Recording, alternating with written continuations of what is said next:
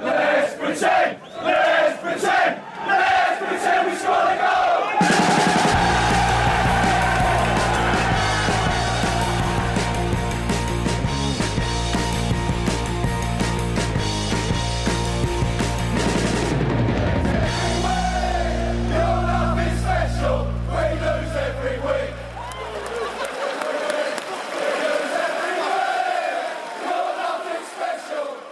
Ja, välkomna till ett eh, lite ovanligt då, Sportbladets Premier League-podd. Eh, det är ingen Premier League som har spelats eh, den här veckan. Vi har någon landskamp som vi kan titta tillbaks på. Jag vet inte hur mycket vi lärde oss av den. England slog Belgien med 2-1.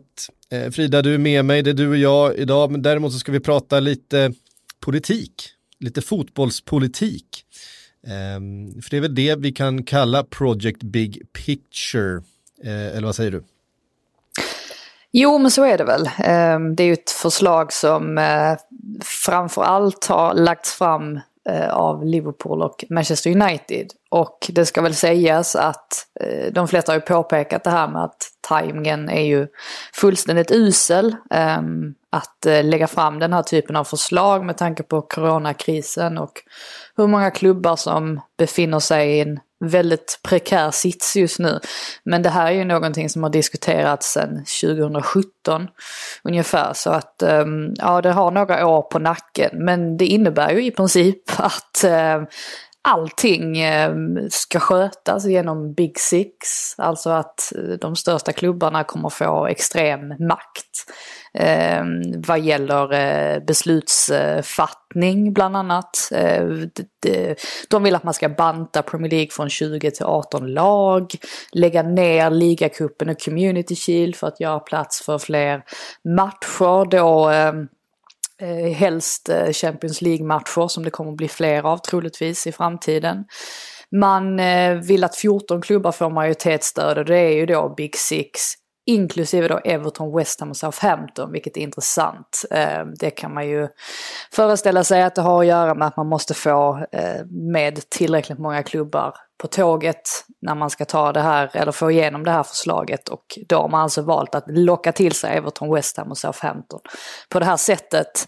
Och eh, inga fallskärmsutbetalningar, senare läggning av säsongen och fler träningsmatcher. Det är, en- det är en massa sådana här saker som enbart gynnar de största klubbarna. Och den enda punkten egentligen som verkar någorlunda rimlig det är att 25% av Premier Leagues årliga inkomst ska gå till DFL. Och det är ju alltså då organisationerna under Premier League. Och någonting som förvånar också är ju att det här förslaget då som är Ja, det, det, det kommer vi till vad det är, men eh, det får stöd från EFLs ordförande Rick Perry. Ehm, och han menar då att det skulle minska klyftorna mellan högsta ligan och de nedre divisionerna, vilket är helt verklighetsfrånvänt. Det beror, Men- på, det, beror, det beror på hur man ser det. Det beror på vad man, det beror på hur man ser, hur Ja, man ser man, det. Men, om man kopplar men, loss de här nio klubbarna eh, och tar eh, de Premier League-klubbar som är kvar, de kommer närma sig resten utav. Absolut. Det kommer ju bli en, en, ja men lite som i hockey, att det blir en väldigt stängd eh, högsta liga. Eh, jag tänker på en, NHL då, jag kan ingenting om hockey, så förstår inte ens varför jag drog in den sporten. men det är ju en väldigt stängd högsta liga. Och det är ju lite det man, man vill gå mot här. Men det här är ju givetvis, och och man måste ju nämna det också just med Rick Perry, att det är kanske inte helt märkligt att han står bakom ett beslut som är fattat av Liverpool med tanke på hans eh, kopplingar till den klubben. Ehm, och han var ju också ett kontroversiellt val när han blev ordförande för IFL. Men de allra flesta som eh, älskar fotboll och som eh, vill att alla klubbar ska ha en ärlig chans att vinna Premier League, de är ju givetvis väldigt, väldigt upprörda över det här. Och just nu så verkar det inte som att det här kommer att bli av ens. Eh, det blev en sån kraftig storm. Och det är ett par klubbar nu som har gått ut och sagt att man inte kommer att stötta det här. Bland annat då West Ham. Som nämns som ett av de, en av de klubbarna som man måste liksom få med sig på tåget för att det ska gå igenom. Så att lyckligtvis så, så verkar det ju eh, inte som att det blir av. Men det är ju, man, man häpnar ju över tajmingen över eh, alltså, känslan. Eh, Timingen var väl för att man- det avslöjades utav Telegraph va? Det var väl egentligen, det var väl egentligen så det, det började, det var väl ett, ett tidningsavslöjande, så att jag tror inte de valde tajmingen riktigt Ja, men det skulle ju själva. läggas fram nu ju. Alltså det var ju tänkt att det skulle läggas fram nu.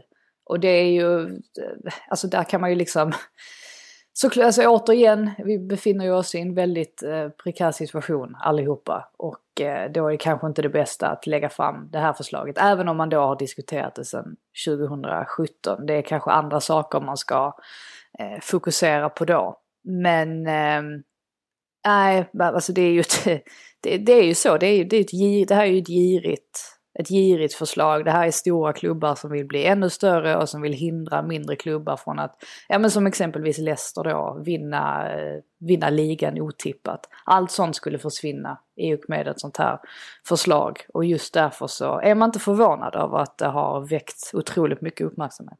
I det här, alltså om du tar tv-intäktsförslaget där så får, man ju läsa läsa in sig på vad, vad, vad, finns det fler för grejer? Jo, man vill även basera eh, det här genomsnittet på, på över tre säsonger.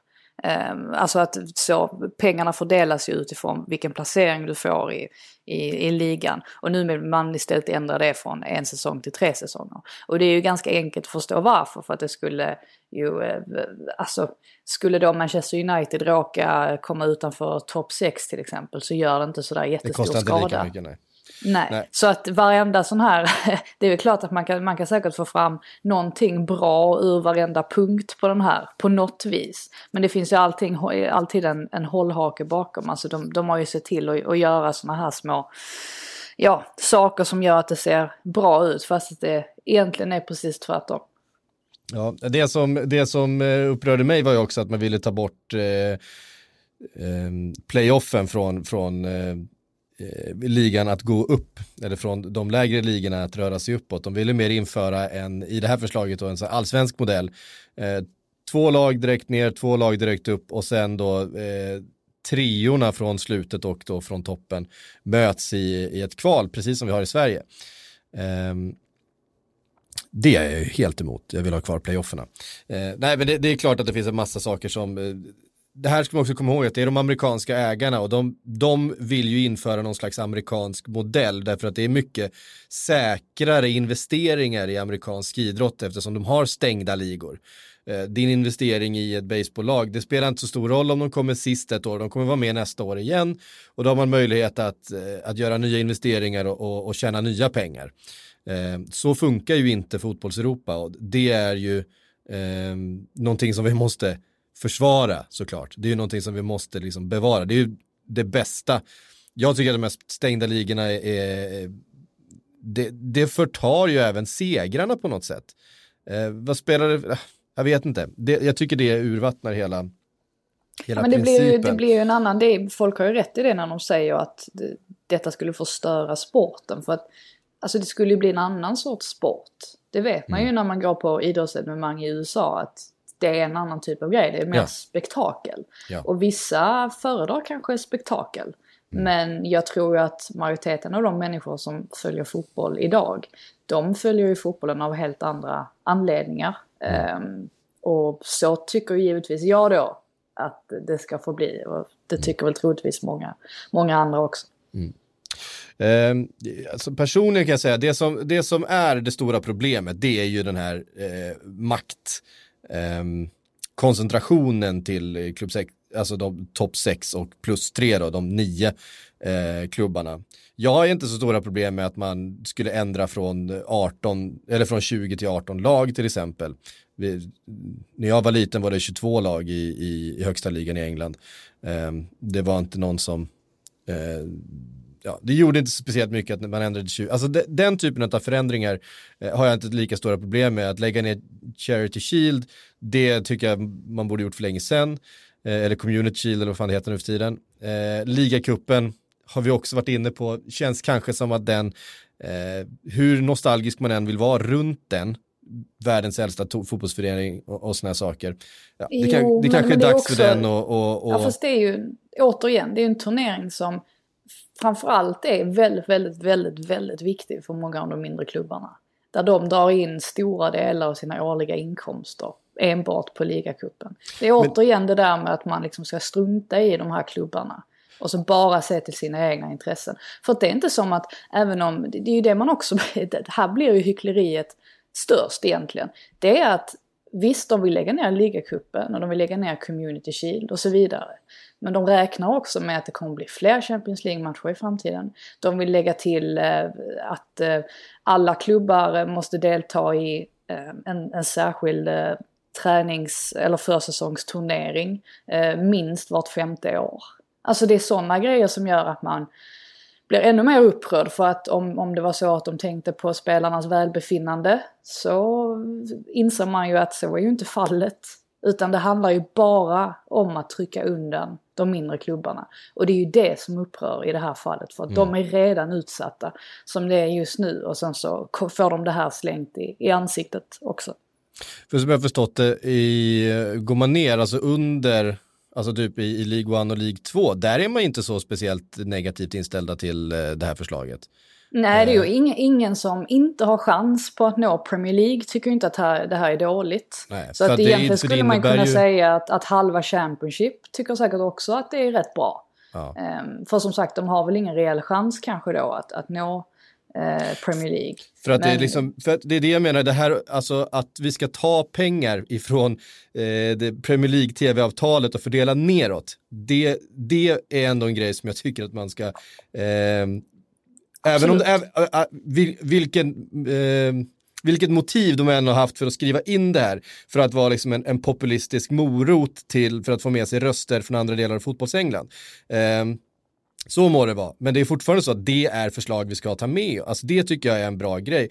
Uh, ja, men det, det, är lite grann, alltså, som Sean Dyche sa för några veckor sedan, varför ska vi betala för uh, de, de mindre klubbarna för? Han var inte sugen på att Burnley skulle dela med sig av några, några pengar neråt till krisande klubbar i League 1 och League 2. Uh, Nej, och, å andra sidan så i, i det här förslaget så ingår även att, att varje klubb skulle få chansen att sända åtta av sina egna matcher per säsong.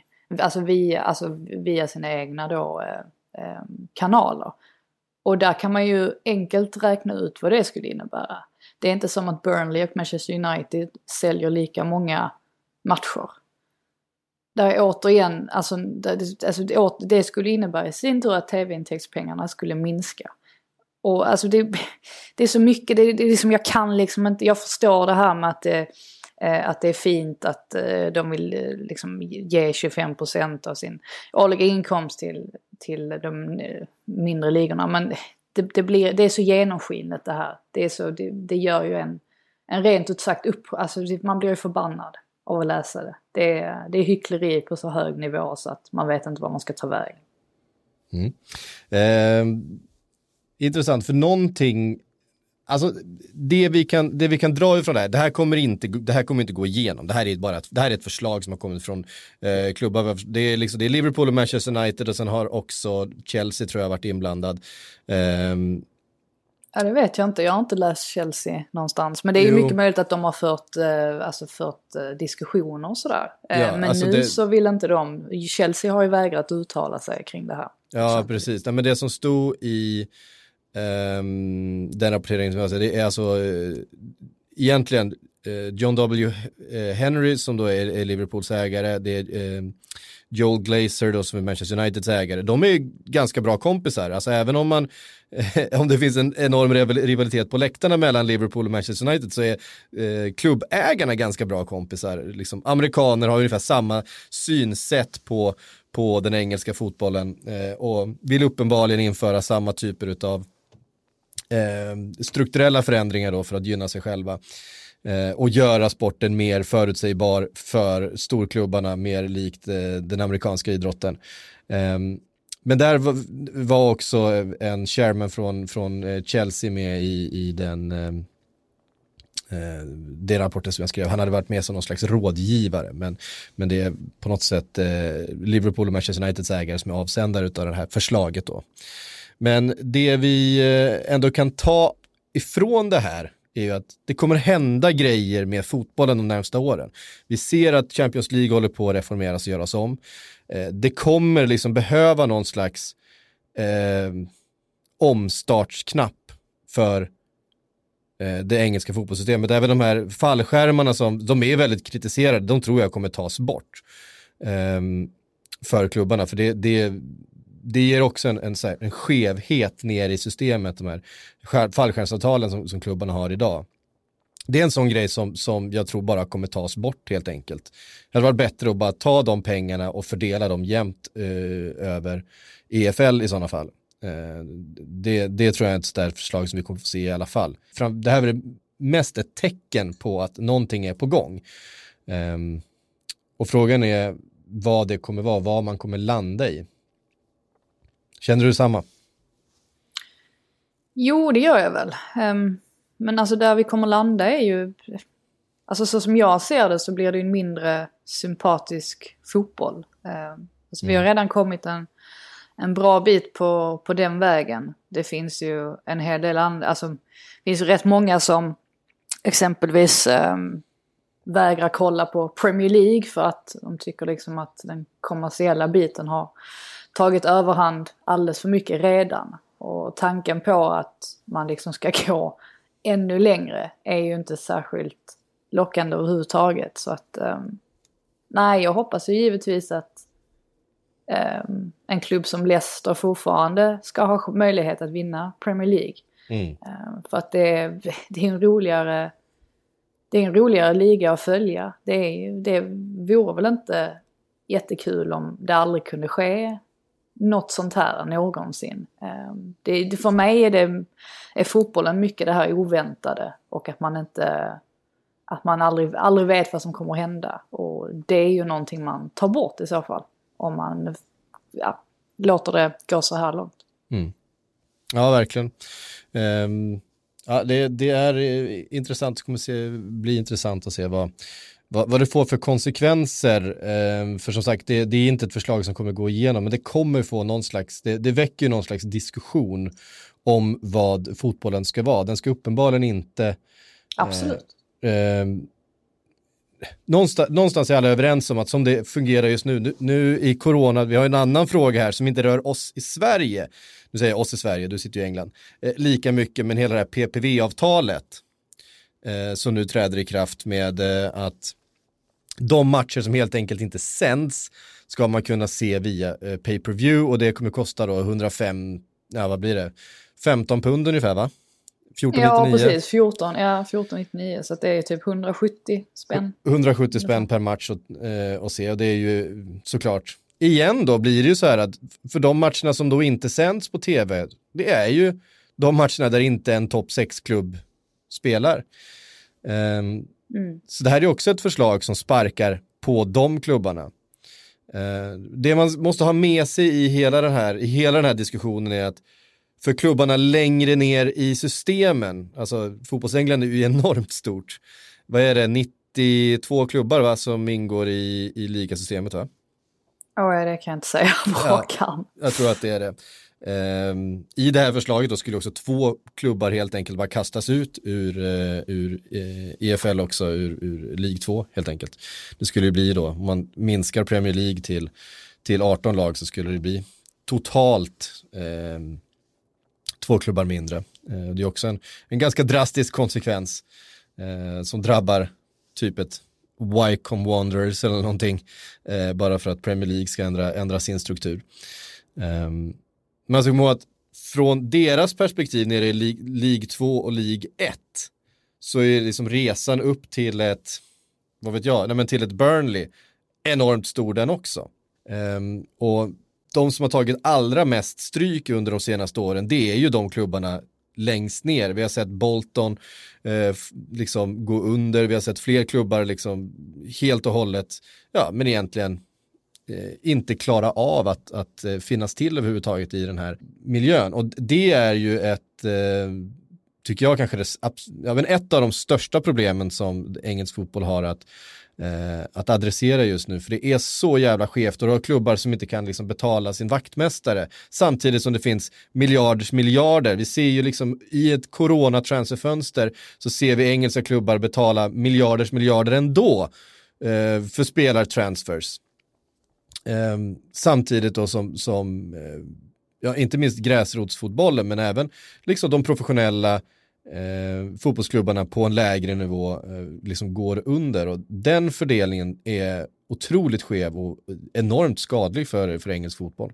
Ja, absolut. Alltså, så, så är det ju. Och det är, det är ju någonting som har varit på tapeten alltså ända sedan coronautbrottet egentligen nu på allvar. Att man vill att Premier League ska hjälpa till och, och stötta de mindre ligorna. Och man vill även att regeringen ska eh, sätta in större räddningspaket. Eh, alltså en sån klubb som Millwall till exempel eh, spenderade över en miljon kronor på att ehm, försöka säkerställa att man skulle kunna ta in publik och sen så blev inte det av i oktober och då står man där med utgifter på över en miljon liksom rakt ut i sjön i princip. Så att regeringen måste ju också ta sitt, sitt ansvar där. Men alltså det man kan hoppas i och med att det här blev en sån enorm storm så kan man ju alltid hoppas att det faktiskt kommer leda till något gott i slutändan och att Premier League gör någonting nu för att markera exempelvis då att eh, öka på sitt stöd till Championship och alltså det EFL överhuvudtaget.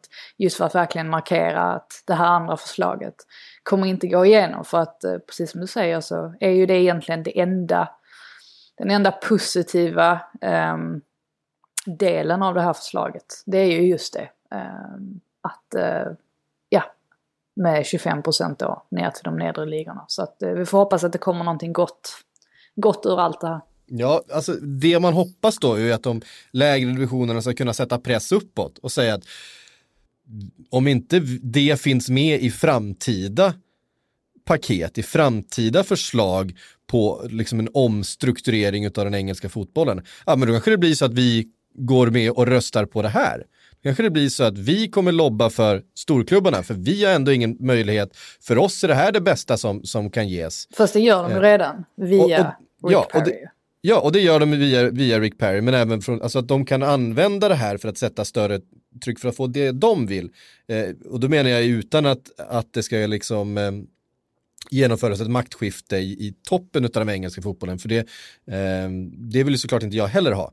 Eh, men man hoppas att de här delarna som liksom de presenterades som en eh, ja, lockbete och det som gjorde att Rick Perry till exempel eh, har gått ut och gett sitt stöd för det här förslaget eh, ändå ska finnas kvar i diskussionen längre fram. För det tror jag är, är oerhört viktigt. Ehm, och för det var ju också mer pengar än vad någon hade tänkt sig tror jag. Det var, det var ju väldigt generösa förslag. 25 procent plus 10, alltså det är 35 procent av tv-pengarna i Premier League som helt enkelt försvinner från, från den kakan. Jo, men då måste pengar. man ju räkna in det här att de kommer sända åtta matcher själv. Och det, är så, ja. det vet man ju inte, det är kanske en siffra som kommer utökas allt eftersom det lider. Alltså och det, det kan ju liksom, har de makten sen, alltså om de har makten kan de ju nästan göra vad de vill. Det är Exakt. Eh, en grej som att de också ska ha veto vilka nya eh, klubbägare som ska få komma in till exempel. Eh, det var ju Bland annat nu med Saudiarabiens försök till övertagande av Newcastle var ju såklart någonting som, säkert någonting som de andra storklubbsägarna såg med eh, liksom eh, eh, förskräckelse på för där kommer in extremt kapitalstarka eh, spelare såklart. Men eh, eh, det finns någonting i att fotbollen behöver reformeras och behöver förändras. Eh, det ska såklart inte ske på de starkastes villkor. Eh, och det är, väl, det är liksom det som skaver i allt det här. Eh, förslaget ska överhuvudtaget inte komma från Liverpool och Manchester United. Förslaget ska komma från, ska komma nerifrån för de som har, eh, det är liksom inte synd om Liverpool och Manchester United. De har inte tagit någon skada utav det nuvarande systemet och den nuvarande fotbollen. De har ju gynnats av det här hela vägen. Um, och den nuvarande situationen. Och den, och den nuvarande situationen har de, har de också gynnats av. Det pratas ju också om att det som eh, har snabbat upp att eh, ta fram det här förslaget var ju att eh, topp 6-klubbarna röstades ner i det här fem bytesregeln, eh, mm. att det, det ska ha gjort dem förbannade och gjort att de har snabbat på den här processen med att ta fram ett nytt förslag. Eh, för där blev, ju, blev de ju nerröstade och där kan jag ju för sig ställa upp på att det, där gick ju resten av Europa um, åt andra hållet och, och, och införde fem uh, obligatoriska byten då i ligaspelet där de mindre klubbarna i Premier League röstade ner därför att de insåg att det skulle vara en, en, en sportslig eh, sämre chans för dem som har eh, mindre trupper och mindre Ja, pengar och att bygga kan man ju, trupp för. ja, det kan man ju diskutera också egentligen. Alltså det är ju en helt annan... Jag, jag vet inte om jag tror att det hade påverkat sådär jättemycket egentligen. Men, eh, Om de hade fått igenom det här. Ja, nej men för jag, vet- jag vet att jag, jag brukar återkomma till en text som Rafa Benitez skrev i somras om just det här med fem versus tre byten. Och han påstod i alla fall att den som tror att det enbart är fördel för storklubbarna med fem byten eh, vet inte vad de pratar om i princip, skrev han. Eh, eftersom att, alltså om du tänker dig ett lag som försvarar extremt frenetiskt Eh, Ehm, kan oftast inte göra det över 90 minuter men däremot kan man kanske göra det över, över 45 minuter. Har den klubben då chansen att byta fem spelare så är det större chans att de orkar ställa upp en mur. Eh, alltså matchen igenom. Så han menade på att just den biten eh, tror inte han är så stor skillnad ändå. Men som sagt det är ju någonting man kan, man kan diskutera i det oändliga. Antar jag. Så var det i alla fall, att, att det här var någonting som vissa klubbar ville ha igenom och det var väldigt tydligt att de storklubbarna i, i toppen av tabellen, eller i alla fall i toppen av eh, hierarkin, eh, ville få genomfört eh, för den här säsongen medan de mindre klubbarna eh, röstade ner det och de var fler och, eh, och stoppade det förslaget helt enkelt. Eh, ja, det eh, har varit lite, lite dramatiska dagar i, i, i spalterna. Men som sagt, det är nog där det stannar. Det här är liksom inte ett förslag som eh, kommer från någon som sitter på, på makten idag. Utan det är några som försöker ta sig makten. Hade, det, hade de redan fått igenom den här, den här förändringen, då hade det här förslaget plötsligt blivit någonting som vi hade behövt ta på jättestort allvar, för då hade det varit de som bestämmer. Det är det inte idag. Eh, tack och lov. Ehm, men eh, vi får följa utvecklingen för att det kommer ge vidare svallvågor och jag, jag hoppas att, eh, att EFL får lite vittring på, på någon slags trickle down i framtiden för att det behövs verkligen och det ehm, kan ju säga det, vi tar de här delarna, vi tar bara de här delarna från ert förslag och så skiter vi i resten. Det hade jag ställt upp på. Ja, Ska vi säga någonting om England-Belgien? Det har ju faktiskt spelats lite fotboll. Ehm, ja och, absolut. ehm, en, en match, det var, alltså de fortsätter ju vinna det engelska landslaget och Belgien som är, rankade som etta i världen, är det inte så? Eh, tror jag på någon slags Fifa-ranking. Ehm, gjorde inte sådär jättemycket väsen av sig heller, det var ingen, ingen höjdarmatch eh, om man ska vara riktigt ärlig, men eh, England lyckades genom en, ska vi kalla det en filmning på Jordan Henderson? Ja, alltså, han förstärker ju ganska rejält, det, det får man ju säga. Och det var ju verkligen, alltså England behövde den biljetten in i matchen. För att även om du säger att Belgien kanske inte skapade så mycket så var ju Belgien numret större fram tills det målet egentligen. Alltså det är ett mål man får mycket till skänks. Och det folk hakade upp sig på mest var ju Eric Dyer som går bort sig eh, vid något tillfälle och höjde ytter, yt, eh, återigen det här med alltså vilka, vilka mittbackar ska, ska starta för England för att nu verkar det som att Gareth Southgate kommer behålla den här trebackslinjen. Och eh, han satsade ju på, det var Dyer, Maguire och eh, Kyle Walker eh, mot Belgien. Och Kyle Walker gjorde en extremt bra match och eh, hyllades enormt efteråt. Maguire var väl också helt okej. Eh, och så var det Dyer då som fick bära hundhuvudet lite eh, efteråt. Så att det finns fortfarande en del frågetecken där. Eh, och att miss, alltså det, det man kan säga att det som var positivt var ju att de släppte inte till sådär jättemycket. Alltså Jordan Pickford hade inte sådär jättemycket att göra så att det är ju någonting de säkert tar med sig. Sen eh, är det ju ett jäkla skott som Mason Mount får på där eh, i andra halvlek. Alltså som får en märklig bollbana Går- den rakt går- in i mål. Går den in om den inte styr på, på försvararen tror du? Jag tror inte det va? Nej. Nu var det, Även om det är Mignolet i målet, Ja, nej men precis. Nej men så att det, det, blir ju återigen lite så att eh, det här eh, är en seger som slätar över allt det som inte fungerar. Och eh, det är inte som att eh, den engelska, vad ska man säga, den engelska hybrisen är inte speciellt stor just nu. För att det finns nog ingen som tror att det här laget ska kunna vinna EM-guld nästa sommar. Inte så som det, eh, som det ser ut just nu. Det man kan ta med sig är dels att Dominic Calvert-Lewin som fick chansen både mot Wales och här mot eh, Belgien gör två bra insatser. Och att Jack Grealish som fick chansen mot Wales var riktigt, riktigt bra och bäst på plan. Och det är någonting man eh, de, tar med sig här. Ja. Att det finns vissa ljusglimtar i alla fall.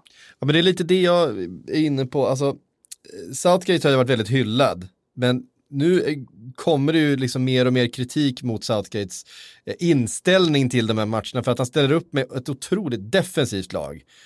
Eh, då han har en trupp som egentligen är extremt, som har sina absolut främsta kvaliteter offensivt. I den här matchen mot, mot Belgien, i det systemet han spelar, finns det liksom ingen riktig plats för, för en Jack Grealish till exempel.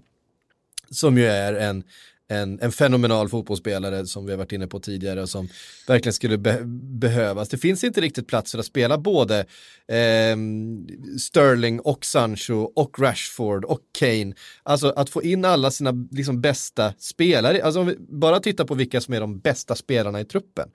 I det här systemet så kommer han inte få med alla dem.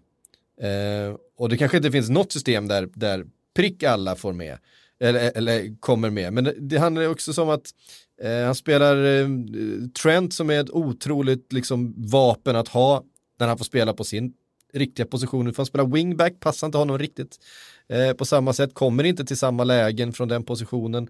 Ehm, och han gör det ju såklart, alltså man förstår ju varför han gör det, för han känner att, att, off, att defensiven är liksom svagheten och då måste vi, måste vi liksom anpassa systemet för att täppa det hålet och det lyckas man ju med, visserligen mot, mot Belgien som skapar väldigt lite. Eh, det blir samtidigt ganska tråkigt att titta på och man saknar ju många av de här riktiga stjärnorna och de, de mer speciella spelarna i, i, eh, i det här systemet. Ja, och sen säger det väl lite också att Trippier, att han eh, fick spela vänsterback. Eh, ja, det också. är också. Eh, ja, ehm, men det är ju, alltså Chilwell lär väl gå in där vanligtvis. Ja, men absolut. man kan väl anta att eh, Southgate håller ju Trippier väldigt, väldigt högt. Så mycket kan vi konstatera. Så att ja, han var kapten va? I, mot, mot Wales. Ja, det var han kanske. Ja. Eh, la jag inte märke till. Men han kommer i alla fall konkurrera med Alexander Arnold. Eh, på den positionen i alla fall till höger. Eh, mm. det kan man ju utan tvekan tänka sig. Och sen så är det inte, får man ju säga också, det är inte så lätt för Southgate det här med att det är många spelare som drar sig ur eh, på grund av skador. Alltså det är ganska svårt för honom att få någon kontinuitet i det hela eh, på landslagssamlingarna. Sen har han ju dragits lite här med alltså dels den här Foden Greenwood grejen mm. som var ganska ovälkomnande. Eh, ovälkomnande också med Tammy Abraham, Chilwell, Sancho-grejen. Mm. Eh, är sådana saker som har stört lite grann. Men absolut, han får inte till riktigt balansen där på mittfältet. Eh, det såg vi ju även mot Danmark då i den matchen som omnämns som egentligen alltså det största bottennappet hittills så tillvida att det blir 0-0 och de skapar typ ingenting i princip. Och då var det ju Calvin Phillips som försökte spela ihop med Declan Rice och det fungerade inte alls. Det blir också väldigt eh, defensivt. Så att nej, han har väldigt mycket att tänka på, den gode Southgate. Nu kommer det ju en match här, eller en till här i veckan mot Danmark. Uh, och sen är det ganska långt uppehåll tills, tills nästa gång de ses igen så att det är mycket han ska hinna reda ut. Uh, ja, verkligen. Nej, alltså, jag vet inte. Det finns otroligt mycket offensiv uh, kvalitet i den där truppen. Vi har inte ens nämnt jo, men så här... samtidigt så, just centrala mittfältare är det ju inte överdrivet många Nej, det är av. Inte. Alltså om du ser till någon som ska vara liksom någon kreativ liksom, mittfälts motor på det sättet. Ja, Där det, har det är ju Phil Foden. inte jättemånga alternativ. Ja, ja men precis. Och det är ju eh. egentligen inte hans bästa position kanske. Eh. Ja, jag tror, men, jag ja. tror kanske egentligen att det, att det är det, men han har spelat det lite för lite för att han ska gå in och göra det jobbet kanske i landslaget. Eh, för han får liksom ett, en halv säsong i, i, i, i ligaklubben, eller i, i ligan på sin bästa position. För det tror jag, egentligen tror jag det är hans bästa position. Han är så eh, snabbtänkt och, och, fin med bollen att eh, man, man, vill nästan se honom där i, som en eh, David Silva roll på något sätt. Jo, han låg väl till, till vänster tror jag på mittfältet mm. mot Island. Um, och det var väl inte heller någon, någon höjdarmatch i och för sig. Ja, de, har en del att, de har en del att tänka på. Ja, nej, men det man bara känner, alltså, hade han ställt upp med liksom en 4-3-3 som många klubblagsspelare, en 4-2-3-1, så känns det som att Visst, de hade tappat en del offensivt, men de hade fått in så otroligt mycket mer eh, offensivt, de hade tappat defensivt, men fått in så mycket mer offensiv kvalitet. Att det på något sätt hade, nu behöver ju Belgien eh, faktiskt inte bekymra sig speciellt mycket om den engelska offensiven, för det, det finns, Nej. det är så få spelare att ta hand om. Och de spelade ju, de körde ju 4-3-3 mot Island. Eh, gjorde de. Men jag antar att Southgate, precis som under VM i Ryssland, anser att just nu så är det bättre att köra med en trebackslinje sett till vilka spelare man har tillgängliga. Eh, jag antar att det är så han resonerar i alla fall. Men eh, ja, ehm, i övrigt måste man ju nämna det här också med, eh, eh med Harry Kane. Harry Kane fick ju komma in då mot Belgien, eh, fick en halvtimme spel, tror jag det var ungefär. Något som José Mourinho givetvis inte var speciellt nöjd över. Det är ju ingen som kan ha missat Mourinhos små passningar till Southgate den senaste månaden. Uh, han vill förstås inte att Kane ska spelas och tröttas ut ännu mer. Och vill ju framförallt inte se en, en skada på honom. Eh, så att han, han, han och Tottenham ska tydligen inte ha varit speciellt nöjda med det. Ehm, det sägs ju att Kane har problem med någon form av känning i låret men Southgate menar att det bara handlar om muskeltrötthet. Eh, så att vi kan nog räkna med att eh, Kane får lite spelminuter här mot Danmark också. Får hoppas bara för Southgates skull att det inte händer någonting. Mm.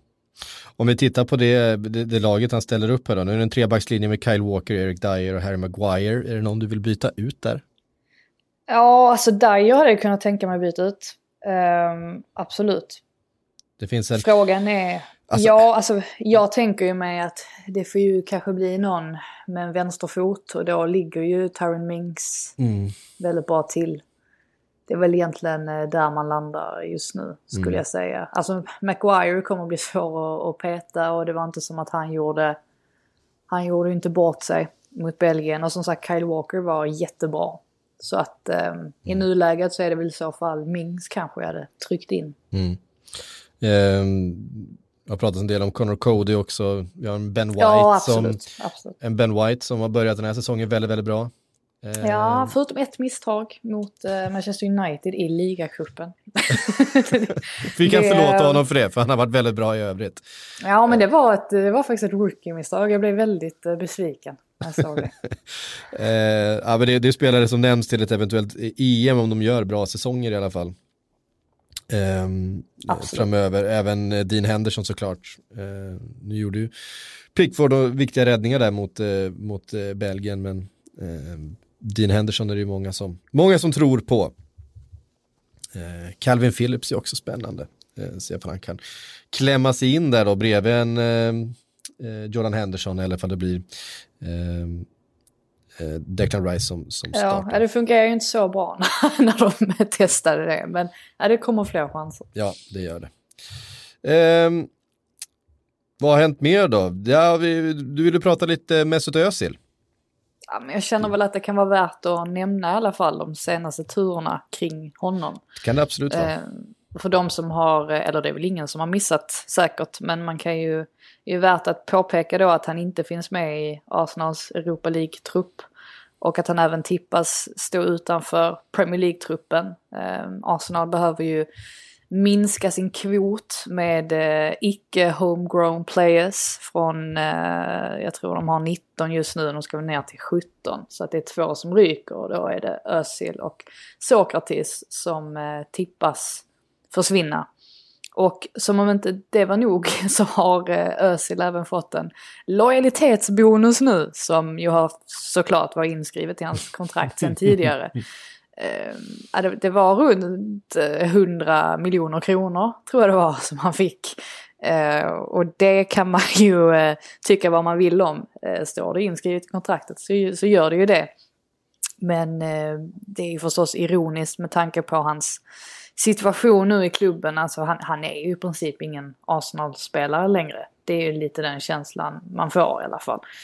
Vi får väl se här om det sker någonting under januari men annars verkar det ju som att han gör en Gareth Bale och sitter ut kontraktet till, till sommaren i alla fall. Eh, mm. Vi får väl se men eh, satan vad snabbt det här, allt det här har gått. Det var inte jättelänge sedan som han skrev på det här nya kontraktet och allting var frid och fröjd och sen dess har det bara gått ut för. Mm. Ja, det, det, är liksom, det är hela den här, eh, eh, när, när det var det där snacket om, om Alexis och Özil eh, för två, tre år sedan? Tre år sedan? Ja, 20, 20, januari 2018 skrev Özil på nytt kontrakt. Ja, det var liksom, han fick nytt kontrakt och, och eh, Sanchez lämnade. Ehm, det var väl i samma veva där båda två hade eh, utgående kontrakt så det var de här eh, diskussionerna. Det känns som att från den hösten där, där det var de här diskussionerna så har båda de två spelarna, även om eh, Sanchez har, har fått någon slags upprättelse i, i Inter ändå, får man säga, det, det har inte gått så bra för någon av dem. Nej, Därifrån. det får man väl. Å andra sidan så, alltså Arsenal har ju ändå klarat sig bra på något sätt. Visst, de måste fortsätta casha ut till honom vilket förstås måste kännas som att kasta pengar i sjön. Men de är ju i alla fall på någon sorts, alltså rätt väg om man säger så. Mm. Eh, just nu har man ju svårt att se var Mr Özil ska ta vägen. Alltså var, var vill han gå? Kommer det bli MLS eller drar mm. han hem till Tyskland? Ja, visst luktar det, visst luktar det Turkiet. Ja, tog jag i och för sig Turkiet ligger väl Han ska väl till Erd Erdogans klubb. Eh, Erdogan ja. som ju var på Ösels bröllop, bland annat. Ja, det, det, är en, det är en annan diskussion man också kan gräva ner sig ja. Eh, vi ska svara på lite frågor före vi knyter ihop för den här veckan. Eh, Ledley Kings knä undrar, vilket av förslagen i The Big Picture gillar ni mest respektive minst?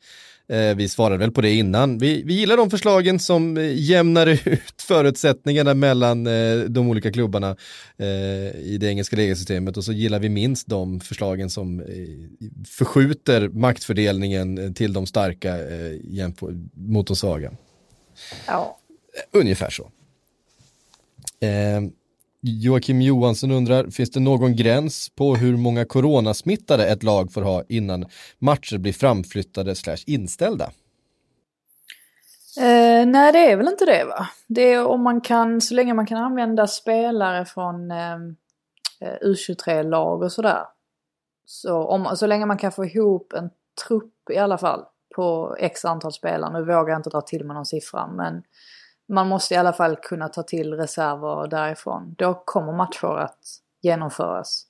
Och det är ju för att man ska förhindra det här med att, eh, att det blir liksom en halt, ett haltande spelschema. Så att det ska alla klubbar ha kommit överens om. Men jag är inte riktigt, eh, jag vågar inte säga så här på uppstuds eh, exakt siffra. Men som sagt man, man måste kunna, eh, så, så, länge man kan liksom ta till eh, reserver och sånt från de undre lagen så ska man genomföra dem. Eh, Johan Lindström skriver spänningarna mellan Kanté och Lampard, bara rubriker eller finns det substans Frida? Hur går snacket eh, på Londons gator? Jag har ganska svårt att se att det skulle vara, med, med tanke på hur Kan Kanté, Kanté ens ha, ha, ha spänningar med någon? Nej, men alltså det, det är ganska, man är ganska svårt att se det. Å andra sidan så är ju Kanté en, en sån där individ som tycker han någonting eller eh, anser han någonting så, så, så står han ju ofta för det. Alltså jag tänker lite på hur han agerade här under eh, inledningsvis under coronaperioden, att han inte ville träna och så vidare, fast att alla andra gjorde det. Det visar ju ändå att han står ju på sig kring vad han tror på och sådär. Men eh, nej, alltså jag, jag vet inte, det var ju snack förra säsongen om att Chelsea skulle kunna tänka sig att släppa Kanté. Och sen svängde det till att de skulle kunna tänka sig att släppa Jorginho. Och nu har ju Lampard en, en liten sådär nöt att knäcka ändå när det kommer till alltså vilken är hans bästa uppställning på mittfältet. Och eh, det är inte alltid eh, han lyckas balansera det där riktigt rätt. Så att eh, det finns ju vissa frågetecken ändå kring Kantés roll i laget och sådär. Inte bara Kantés roll. Ju Nej, nej precis. Alltså, Kovacic alltså- som vi hyllade liksom som en av hela ligans bästa spelare förra säsongen. Han har ju startat en del matcher på bänken till exempel. Ja, och det, så jag tror jag skrev det också efter mötet med Crystal Palace att det lär väl bli Lampards svåraste uppgift den här säsongen att försöka tillfredsställa alla spelare som man har. För att den bänken, jag satt, satt typ så här 10 meter ifrån deras eh, avbytarbänk och när jag tittade på bänken så tänkte man ju liksom att herregud alltså, Det är så många spelare här som hade gått rakt in i startelvorna i hur många klubbar som helst. Inklusive då Giroud liksom eh, med alla hans meriter, inte minst på, på landslagsnivå och sådär. Så att ja, det är verkligen en, eh, ett delikat problem han har, den gode Lampard, att få till alltihopa och hålla alla nöjda. Onekligen. Ehm, vet ni vad, det var faktiskt allt vi hann den här eh, tisdag förmiddagen. Eh, påminner igen då om att eh, nästa vecka är det dags för en premiär av vår helt nya fotbollspodd som kommer gå eh, här på aftonbladet.se eh, i, i appen. Jajamän. Så det ser vi fram emot. Det är ju Champions League tillbaka nästa vecka. Eh, Så det blir en rivstart med nya podden som då på torsdag kommer eh, eh, bita tag i alla de delarna. Och sen, vi har fortfarande ingen namn på den, så skicka gärna in förslag på namn vad vi ska kalla den här podden. Har du ett bra namn på, på lager Frida? Vad ska vi kalla den här? Uh, det får bli någonting kul i alla fall. Något kul. Ja, men någon sån här, typ något citat eller så, som någon har sagt någon gång. Ja. Sånt är roligt. Ja, eh, något sånt eh, hoppas jag också att vi ska kunna verka fram. Vi har fått in några förslag. Några, några helt okej. Eh, Syks altan var det någon som ville att vi skulle kalla den, det kommer den inte heta. Eh, men eh, vi, vi kommer på något bra, vi har en vecka på oss ungefär innan, eh, innan det är dags för, eh, för premiär för den då. Det, eh, det, så säger det bara för tydlighetens skull att det är Aftonbladet eh, plus, man måste vara pluskund för att eh, kunna ta del av detta. Där kommer hela liksom, Aftonbladet, eller Sportbladets fotbollsredaktion eh, finnas med. Vi kommer prata mer än bara Premier League, vi kommer prata de andra ligorna, vi kommer prata Champions League och, och snacka upp säsong, eller eh, helgen som kommer och, och matcher som spelas under veckan och sådär. Det blir, det blir kul kul kan jag lova.